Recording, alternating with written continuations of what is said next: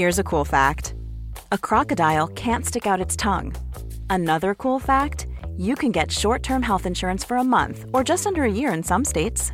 United Healthcare short term insurance plans are designed for people who are between jobs, coming off their parents' plan, or turning a side hustle into a full time gig.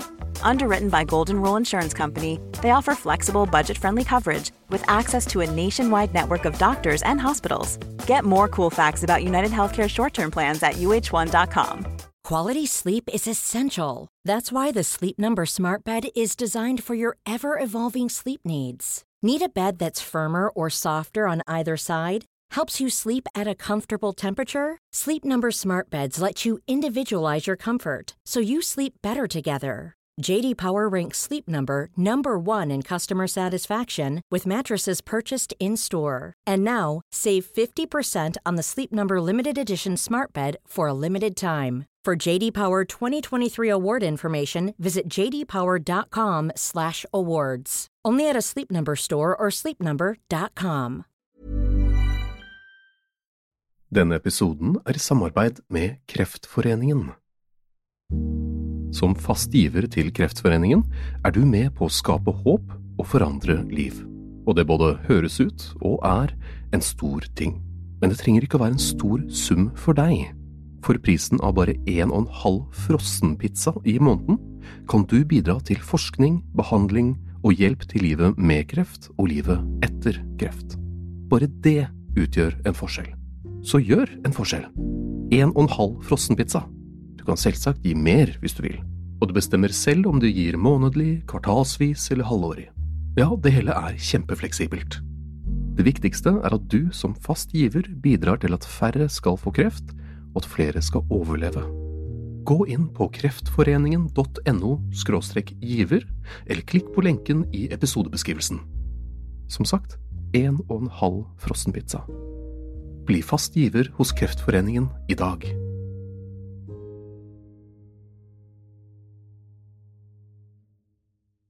Gjenklang.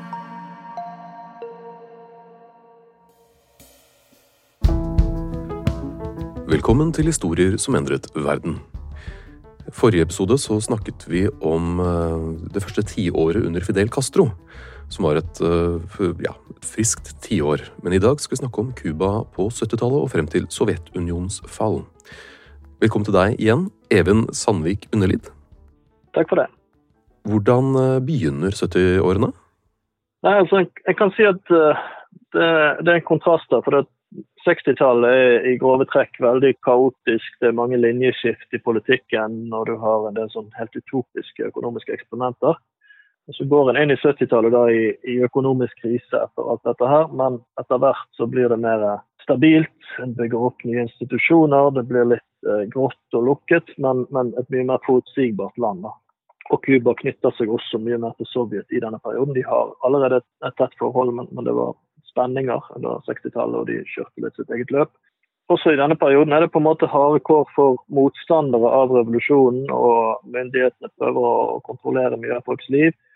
Og En tar med seg fra slutten av 60-tallet denne som jeg snakket om sist, en slags puritanisme, revolusjonær puritanisme, hvor en altså ikke passer inn i revolusjonens ideal. Det skulle eh, lukes ut eller bekjempes. da, og Du hadde også dette her, vi snakket om homofobi, hvor du har på en måte et gammelt macho-ideal eh, som mm. smelter sammen med et revolusjonært ideal, der dette blir sett på som litt, litt uh, degenerert og bløtt, og ikke det man sterke det nye mennesket eller den nye mannen som, som skal stå mot, uh, mot USA og mot eh, kapitalismen. men igjen, Cuba er alltid litt motsetningsfullt. ja. på slutten av 60-tallet du har hva skal jeg si, du har en, en veldig autoritær dreining og en slår ned på alt som ikke passer inn i kulturlivet. Du har en, eh, en sak f.eks. med en forfatter som heter Roberto Padilla, som er veldig kjent, som mottar en pris for noen samfunnskritiske dikt. Og Det første som skjer, er at boken blir gitt ut, da, men med en slags advarsel om innholdet. Eh, og, men etterpå blir han arrestert. Så da ser du, Institusjonene hadde antagelig litt forskjellige syn på dette, hvor strengt man skulle håndtere dette. Eh, men i alle fall når han ble arrestert, så splitta det støtten til Cuba, som var jo, eh, sto jo veldig sterkt blant eh, ja, venstreorienterte, men, men, også på en måte i kulturlivet i, i Latin-Amerika og mange steder i verden. Og en del, folk, en del viktige forfattere skriver da et opprop hvor de ber myndighetene om å korrigere denne politikken. Og dette her er på en måte at dette her skjer på slutten av 60-tallet, men det drar en med seg innover i 70-tallet. Så sånn periodisering i tiår, det, det, er aldri helt perfekt. da. Uh, og i 1971 så blir faktisk bøkene til en del av de uh, forfatterne som har støtta han uh, Padilla, blir trukket tilbake fra bibliotek og bokhandlere. Og sånn. men det, det, skjer i det skjulte. og hm. Det hadde sikkert utløst større protester hvis folk visste om det. Eh, det ble gitt en, en ordre fra Bokinstituttet om at dette skal vi gjøre gradvis og på en måte sånn at folk ikke legger merke til det. Eh, som, som først nå nylig ble oppdaga for øvrig i arkivene. Det høres ut som landet blir mer lukket og kontrollert? Du kan si det, eh, men altså, alt er ikke negativt. For, for noen er det selvfølgelig negativt, dette er veldig negativt. Men for kanskje majoriteten av befolkningen, eller iallfall en jo, for majoriteten av befolkningen så blir iallfall hverdagslivet etter hvert utover 70-tallet en del eh, enklere. Livet er mer forutsigbart. Eh, og, og, økonomien begynner å ta seg opp igjen mot slutten av 70-tallet. og en, får jo veldig store mengder med, med sovjetisk eh, støtte da. og en litt mer, altså Det er en planøkonomi og ikke en effektiv økonomi, og sånn, men det er litt mer rasjonell styring. Det er litt mer plan. og det er Hvordan ser det ut utenrikspolitisk? Ja, det henger jo sammen det interne og utenrikspolitiske. Men utenrikspolitisk så har en eh, altså dette her at Cuba har samarbeida med Sovjet siden helt i starten av revolusjonen. Uh, men nå er det en mer forpliktende integrasjon. Og særlig fra 1972, da går Cuba inn i noe som heter Comecon, som er et handelssamarbeid, altså østblokklandenes handelssamarbeid, som er ledet av, Sovjetunionen. Da er det på en måte ikke rom mer for sånn åpne konflikter med Sovjet. Uh, selv om en kan ane en, en forskjell i en, eller ulike, ulike syn på, på, noen spørsmål. Og du kan si at, Men, men tross i dette, altså Cuba var på en måte det skulle være eh, utviklingslandenes revolusjon og, og, noe som kom fra sør. da. Eh, men Cuba beholder en viss sånn dobbelt identitet mellom det en da på den tiden kalte for den tredje verden, og den andre verden, som var østblokklandene. Eh, så en balanserer litt mellom dette. F.eks. på et tidspunkt eh, litt senere så blir Cuba leder, en av lederne for eh, eller de har en periode hvor de er leder for de alliansefrie stater. Hm. Som var jeg tror det rundt 100 land altså, på den tiden, og veldig mange land i sør. Som, som da ikke nødvendigvis er helt på linje med verken Sovjet eller USA. Men de var jo i en allianse på sett og vis med Sovjetunionen? De var det. De, de var det, absolutt. Men hvis du ser ja, både på utenrikspolitikken så ser du at de noen ganger tar sjanser og setter i gang eh, initiativer på egen hånd. Eh, det mest kjente eksempelet der er det en forsker som heter Piero Gleiheses, som har gjort et eh, arkivarbeid hvor han fant ut at da Cuba begynte å sende soldater til Angola, da starta de en enorm militæroperasjon. Det er liksom Cubas eh, Vietnamkrig, bare med andre mål. da. Eh, men, men, det er 400 000 cubanere som blir sendt der totalt så, så, gjør de det uten å varsle Sovjet på forhånd. Altså De gambler nok på at de støtter dette. og sånn. Eh, men de prøver å dra de ut i forpliktelser, dra de inn i forpliktelser i den tredje verden. For at Sovjet var mest opptatt av en periode på en måte uh, en viss stabilitet, og at de skulle få til en egen vekst. og sånn, og Hadde gitt opp litt dette med verdensrevolusjon og sånn. På Cuba har du yngre folk der som er utålmodige. og og som, uh, som, som, som, vil utfordre USA mer direkte og, og støtte Eh, en del sånne antikoloniale og, regjeringsinitiativer i eh, revolusjoner i den tredje verden enda mer aktivt. Så ser du også for så vidt en forskjell i det interne. sant?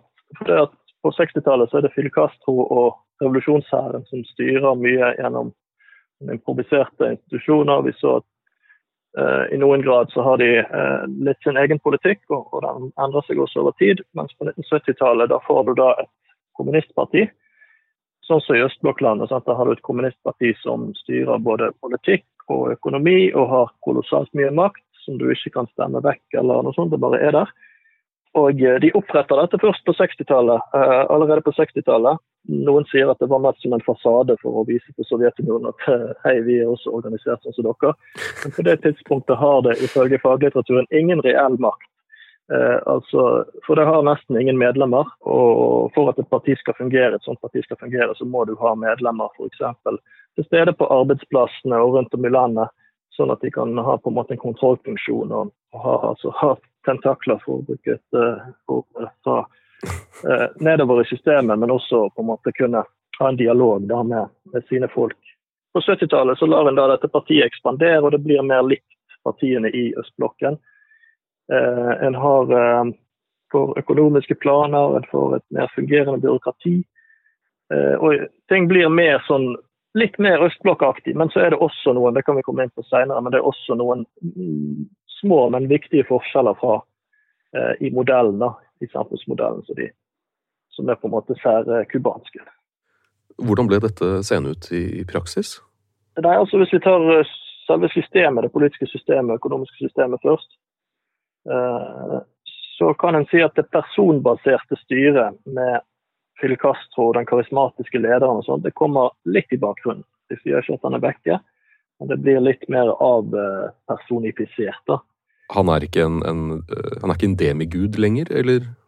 Eh, han er svekka lite grann. Han er jo fortsatt en, en, en, stor figur fordi han på en måte leder denne store revolusjonen og har massevis av tilhengere. Eh, men han er svekka etter eh, disse radikale eksperimentene på slutten av 70-tallet, som eh, på en måte ødela veldig mye for økonomien. Og han tilbød også å trekke seg, jeg tror vi sa det i forrige episode, etter en, en fadese mm. med sukkerhøsten 1969-70. Så nå får en Altså, den politiske eliten blir utvidet, og en får også institusjoner for å mer systematisk hente inn tilbakemeldinger fra befolkningen. Altså Det blir mer en sånn kvasirettsstat. Jeg sier ikke at det er en full rettsstat, for det, er ikke så mye rom for politisk dissens. Eh, men du får et eh, parlament, eh, ikke sånn som her med åpne politiske konflikter, men de lager budsjetter, lover og den slags. En viss forutsigbarhet der. Det er litt flere som blir involvert. Da blir det jo mindre liksom etter innfallsmetoden. Det var en viss systematikk i ting. Du har også noe som heter som for så vidt ikke særkubansk. Du hadde det også i østblokken som heter masseorganisasjonene. Som for Cubas del ble etablert på 1960-tallet, men nå blir de tydeligere underlagt kommunistpartiet. da. Og det er organisasjoner, altså Hvis du skal bli med i kommunistpartiet, der får ikke alle være med. Det skal liksom være de, de beste, heter det i den offisielle retorikken. Men um, her, i masseorganisasjoner der kan nesten hvem som helst være med. og altså I østblokklandet så ble disse kalt for overføringsbelter, et veldig teknisk ord. Uh, men de skulle overføre informasjon mellom partiet og folket. I, i teorien iallfall. Ofte så ble det bare nedover fra partiet, og så mm. måtte folket gjøre det partiet sa. Men, men i begynnelsen så var tanken det at det skulle være en slags demokratisk mekanisme der. Eh, de skulle hjelpe å spre partiets politikk, men de skulle også sende informasjon, eh, tilbakemeldinger da, til partiet. Et slags kontrollert eh, demokrati innenfor for veldig snevre rammer. Men, men, men, det var tanken. Og på Cuba får du et lignende system, men det er også noen tidspunkter, særlig i perioder hvor det er litt tilløp til konflikt, så ser du at disse institusjonene, disse masseorganisasjonene har litt forskjellige syn. De presser på for endringer i litt forskjellig eh, retning. Men en har ikke åpne konflikter. Du må kjenne Cuba ganske godt for å se dette. Det er mer sånn eh, eh konkurrerende diskurser, har det blitt sagt. Altså at folk snakker om litt forskjellige ting. og sånn, altså de det går litt rundt grøten, men du skjønner hvis du følger med at, at ok, her vil de i litt ulike retninger. Mm. Men hva med det politiske partiet? Ja, der, der kan du si at uh, det er flere forskjeller fra østblokklandene. En ting er at uh, i Lenins uh, partiteori da, så er det sånn at kommunistpartiet skal lede revolusjonen, lede folket. sant? og dette, den, dette, har ikke Cuba gjort, eller Cubas kommunist, det nye kommunistpartiet på Cuba gjort, for det var Fidel Castro som leder revolusjonen og partiet blir opprettet etter revolusjonen. Det er en, en sånn historisk kanskje mest finurlighet, men en annen ting er at eh, de inviterer inn i det kommunistpartiet forskjellige grupper som hadde vært med å støtte Fidels revolusjon. og Der var det bl.a. det gamle kommunistpartiet på Cuba, som ikke hadde støtta Fidel Castros revolusjon før helt på slutten. Og de var veldig pro Moskva. Mm. Og nå får de posisjoner, ministerposter og sånt. Det hadde vært en ganske hard konflikt mellom de og, og Fidel Castros folk på slutten av 60-tallet. Det er litt andre folk til dels som en løfter inn. Men eh, dette her er veldig gunstig for myndighetene for det at på grunn av disse kontaktene. Det, det, er en fordel for dem. Sant? Sovjet føler at de får noe òg eh, der. Mm. Det er også en tredje gruppe som blir invitert inn i det partiet, men de har mindre innflytelse. da. Vi har tidligere snakket om en litt sånn ja, vilkårlig maktmisbruk og arrestasjoner og, og henrettelser etc. Hvordan, hvordan stiller det seg nå? Ja, altså Antallet henrettelser, det er jo det store antallet henrettelser det kommer nesten umiddelbart etter revolusjonen. Og så, og så faller det utover, på en måte. Men altså, Maktmisbruken er der, men han, han faller. Det blir mer, en mer, mer, mindre vilkårlighet. Du ser at antallet politiske fanger f.eks. faller fra flere titalls tusen til noen tusen og fortsetter å synke. Mm. Dette er til dels folk som har gjort væpna motstand mot, mot regjeringa i starten av revolusjonen, men, men ikke alle. På den andre siden så får du med dette systemet som jeg nevnte, en mer fungerende på en måte planøkonomi med stabilitet og vekst og, og et visst fokus på konsum og sånn. Så det, det, blir på en måte et, et mer eh, normalt land i hermetegn. Eh, litt mer normalt. Sant? Du får en mer fungerende planøkonomi. Eh, det blir bygd skoler, kulturskoler, eh, helsevesen osv. Det det bygd boliger. Du kunne bare ha to boliger, men folk hadde stort sett tak over hodet. Særlig på landsbygden. Vi sa at Havanna var veldig rikt før revolusjonen og sånn. altså Politikken til, til Fidel Castro var på en måte at du skulle ikke bruke penger i Havanna. Du skulle utjevne med resten av landet, og dermed så lot han Havanna i stor grad forfaller, noe en ser veldig tydelig i dag. Uh, så det, det, er et land her med lite luksus, lite utvalg i butikken. Det er grått og kjedelig sånn sett, men materielt så får folk uh, et bedre liv iallfall på 80-tallet enn de fleste andre steder i Latin-Amerika. Og det er mye bedre fordeling. Det var lite arbeidsledighet. Det var eh, på en måte Du har ikke en uh, vilkårlig pisk over deg for en arbeidsgiver. og sånn. Du, du, uh, det er et rolig arbeidsliv. Du har stort sett en trygg jobb. og Det kan være et godt liv så lenge du ikke har opponerer mot systemet eller havner i en av disse kategoriene som, som religiøse f.eks., som, som, som iallfall må kanskje begrense det eh, litt til hjemmet og, og, den slags. Eh, hvis du har store ambisjoner og drømmer om å reise ut i verden eller få deg en yacht, sånn, så kan du glemme det. Men, men vanlige folk hadde altså På 80-tallet så har Cuba flere TV-apparater enn, en noe annet land i Latin-Amerika. Vanlige folk hadde et OK liv. da. Det var jo, Noen vil si at det er kunstig, for det er Sovjet som pøser inn, inn penger i, i, økonomien her og gjør på en måte Cuba til et utstillingsvindu for, for sosialisme da i i, i Karibia, like utenfor USAs studie. Så lenge du ikke skiller deg ut på noen som helst måte, så, så kan du leve et komfortabelt, men kjedelig liv? Vel, for, for, noen så var det jo ikke kjedelig, for de, de følte jo de Mange identifiserte jo seg med myndighetene og var på en måte dette erstatter på en måte glamour og alt du måtte ha før kapitalismens på en måte duppeditter og alt mulig. At, at, du på en måte var med på et større prosjekt. En hadde veldig tro på revolusjonen. Mange. Ah, okay. Uh, ikke alle. Uh, og, og, mange husker 80-tallet fortsatt som de kaller det for sosialismens gullalder. Uh. Du selger sukker til Sovjet, og så får du alt annet i retur. Hermetikk, biler. Mm. du har ikke denne, du har ikke gatebarna og denne nøden som du hadde før, før, revolusjonen. da. Og Cuba får til og med en kosmonaut, en astronaut, i, i verdensrommet på 80-tallet Eh, det, det, det, det, er en sånn positiv historie en, en kan fortelle om denne perioden. Og så er det også mange skyggesider. When you're ready to pop the question, the last thing you want to do is second guess the ring. At BlueNile.com you can design a one-of-a-kind ring with the ease and convenience of shopping online. Choose your diamond and setting. When you find the one, you'll get it delivered right to your door. Go to Bluenile.com and use promo code LISTEN to get $50 off your purchase of $500 or more. That's code LISTEN at Bluenile.com for $50 off your purchase. Bluenile.com code LISTEN. There's never been a faster or easier way to start your weight loss journey than with PlushCare. PlushCare accepts most insurance plans and gives you online access to board certified physicians who can prescribe FDA approved weight loss medications like Wigovi and Zepbound for those who qualify Take charge of your health and speak with a board-certified physician about a weight loss plan that's right for you. Get started today at plushcare.com slash weight loss. That's plushcare.com slash weight loss. plushcare.com slash weight loss.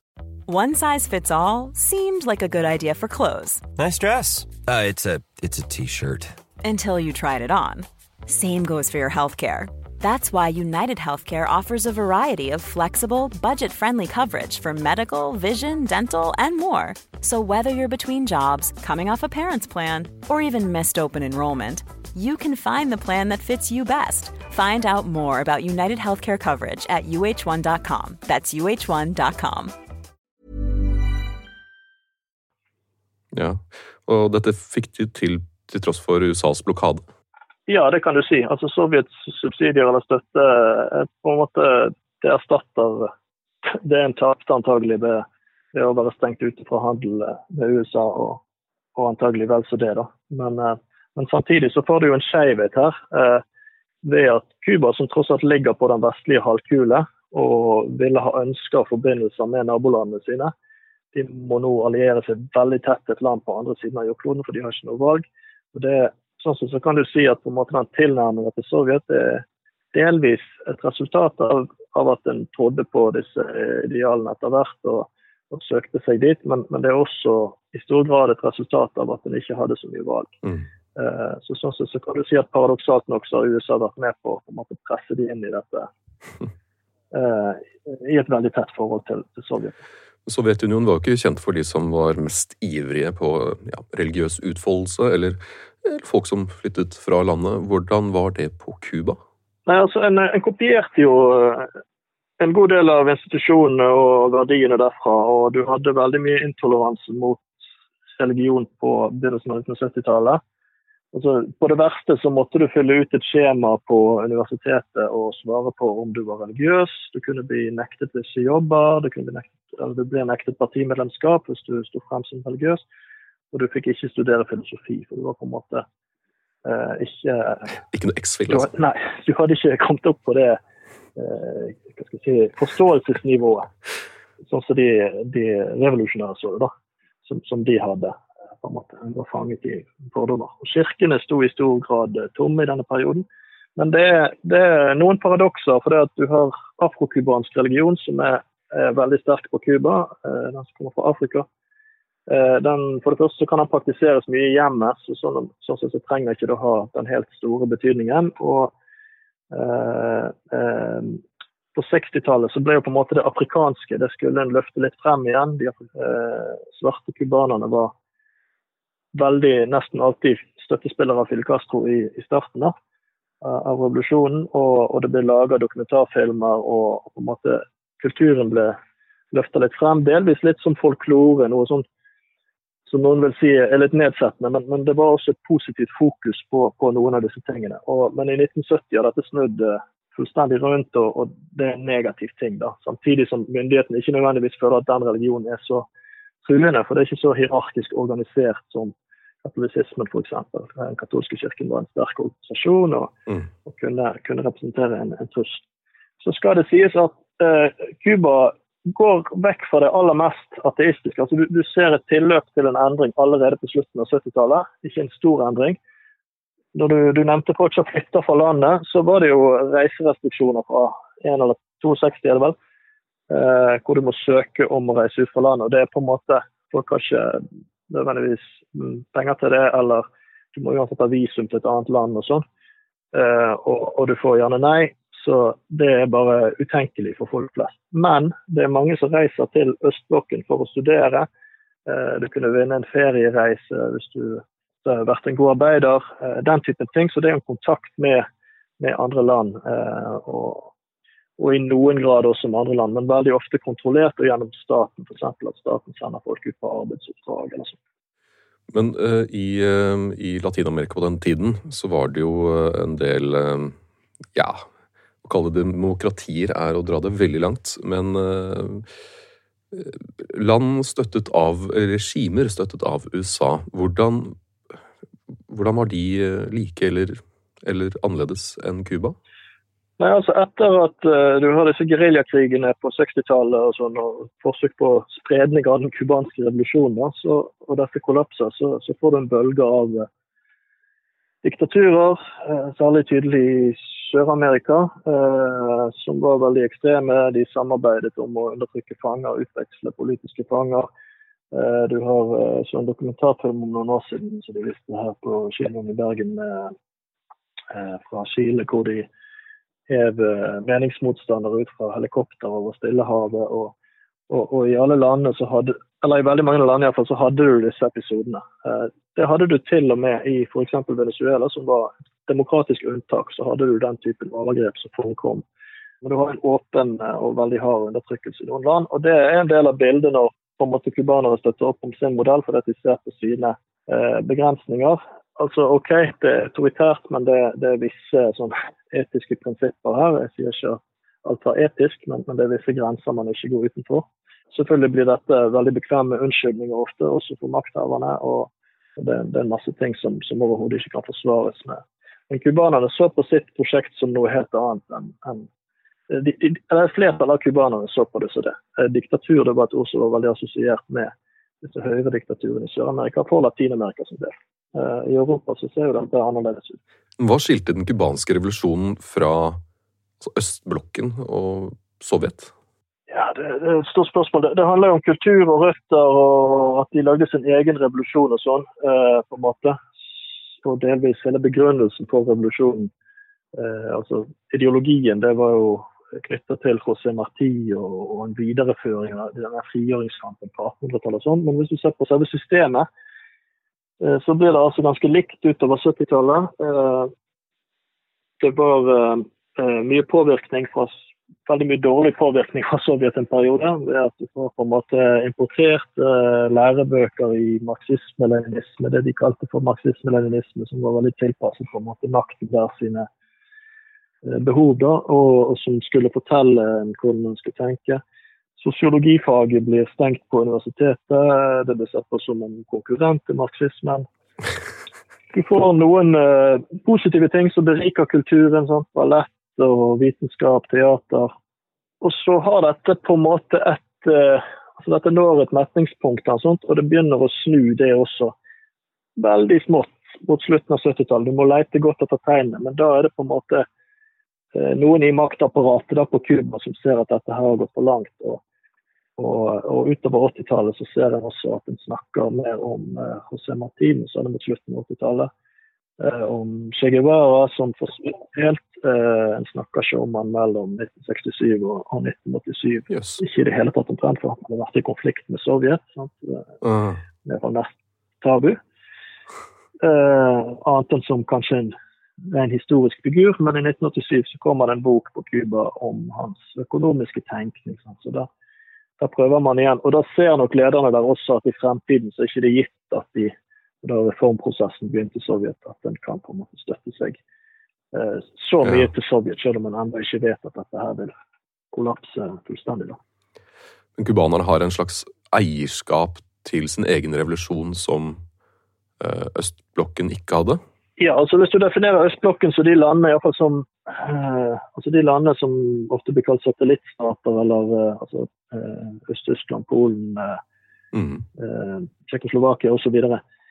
Så på en måte de, Den røde her hadde jo vært med å frigjøre disse landene fra nazismen, men så ble de jo stående der. Sant? Så da ble det jo mer komplisert. Var de frigjørere eller var de okkupanter? Og i praksis så var myndighetene i disse landene de de turde ikke å eh, yppe noe særlig mot Sovjetunionen, bortsett fra på veldig sånn, unntaksvis på noen tidspunkter. Så skjedde det, ble også slått ned i Tsjekkoslovakia. Mm. Eh, så systemet på Cuba, der var sosialismen, revolusjonen, det var assosiert med nasjonal selvstendighet, en slags frihetskamp. Eh, og det forble det utover 70- og 80-tallet. Folk tenkte på det på en måte som noe de sjøl hadde slåss frem eller iallfall deres egne, hadde slåss frem, og ikke sovjetisk overherredømme. Og makten på Cuba, regjeringen er veldig påpasselig med dette eh, også, at på en måte Sovjet ikke skal styre direkte. Cuba hadde jo vært et slags demokrati, eller det hadde vært et demokrati på overflaten iallfall. Eh, med unntak av to diktaturer, og de hadde den erfaringen. Men flerpartisystemet på Cuba var, som i mye av Latin-Amerika, litt kobla til forbundet med en korrupt politisk kultur. Uh, og på Cuba også med en splittelse. da, At på en måte alle disse partiene var egentlig i USAs hender. og José Marti hadde snakket om at en måtte samle seg i ett parti for å kunne stå imot dette store imperiet. liksom. Eh, eller monsteret, som han kalte det. Så Marti også har snakket om ett parti? Nei, han, han, har ikke det, men det ble brukt sånn. Eh, og det, Han snakker om ett parti for å stå imot, for å organisere kampen for frigjøring. Dette er på 1800-tallet, og Cuba er fortsatt spansk koloni. Okay. Det blir brukt i den offisielle propagandaen. Eh, men samtidig, han hadde snakka veldig om samling, at vi måtte stå sammen. og sånn, så det, det, er en viss logikk i dette. Men han, ville, det er tvilsomt om han ville på en måte forsvart et rent ettpartisystem. Uh, så det kommer fra marxismen-leninismen, men det, det, er en, det er en dobbelthet i arven her. og og noen vil også si, eh, også i den perioden så ser en iallfall Jeg har studert aviser på Cuba på slutten av 80-tallet og 90-tallet. Der blir det antydet noen steder i hvert fall, at på en måte den modellen en, en har, den er situasjonsbestemt. Det er ikke nødvendigvis sånn at det alltid skal være sånn, men det er for å stå samlet på en måte eh, i en, i en pressa situasjon. Så det, det, er litt ulike tolkninger eh, av det. Og så er det en forskjell da i, selv om en adopterer den sovjetiske modellen. og jeg skal ikke si at det er veldig grunnleggende forskjellig, men, men, du ser i hvordan det er strukturert på Cuba, hvordan det er bygd opp systemet, at det er en slags praktisk kritikk der av den sovjetiske modellen. For en har forsøkt å unngå noen av problemene der da, med på en måte at du får et maktsjikt som lever sitt eget liv litt isolert fra folket, og, og, og at folk blir passivisert. Og korrupsjon og privilegier hadde du mye av i, i østblokken og sånn. Eh, så de gjør noen tilpasninger i modellen uten at det endrer grunnleggende på systemet. da. Eh, F.eks. at de som skal bli med i partiet, der er det en annen opptaksprosess. Eh, først må du bli anbefalt av kollegaer på arbeidsplassen, og det blir gjort anonyme spørreundersøkelser i nabolaget ditt for å finne ut hva naboene tenker om deg og sånn.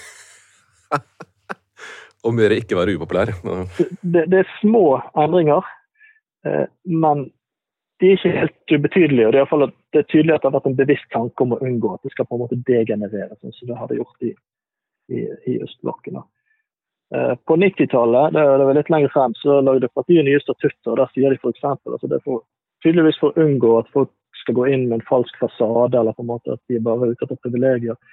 De er veldig tydelige på at folk som har vært psykisk syke, de kan komme inn i partiet så lenge de er friskmeldt. Eh, hvis du har eh, emigrert, så kan du iallfall i prinsippet være med i partiet på en måte så lenge du er tilbake i landet. Tidligere straffedømte osv. Det, det er iallfall noen der som har hatt en tanke om at det skal ikke være så falskt som det åpenbart utvikler seg til å bli i, i, i østblokken. Hm. Kanskje litt, og kanskje litt Det er litt sånn avpolitisert systemet. Det høres ut som et paradoks, for det er jo veldig politisk. alltid på Cuba. Ja. Eh, men fokuset når de skal rekruttere folk til partiet, når, de skal, eh, på en måte, når det er valg til parlamentet, som også var litt annerledes organisert enn i østblokken. Og, og, og etter hvert så får du eh, halvkonkurrerende valg lokalt, altså at du kan, det er minimum to kandidater på lokalplan da, som, som, ikke trenger å være med i partiet. og sånt. Det, det er noen små endringer men det var ikke så mye vekt på at du var på en måte den som trodde mest på revolusjon, eller den som snakket høyest om det. Skulle ikke bære det, iallfall.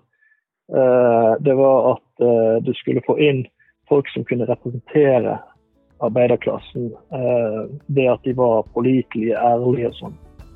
Denne episoden ble så lang at jeg måtte dele den i to. For det var rett og slett så mye å snakke om. Så bare å følge med videre i neste episode.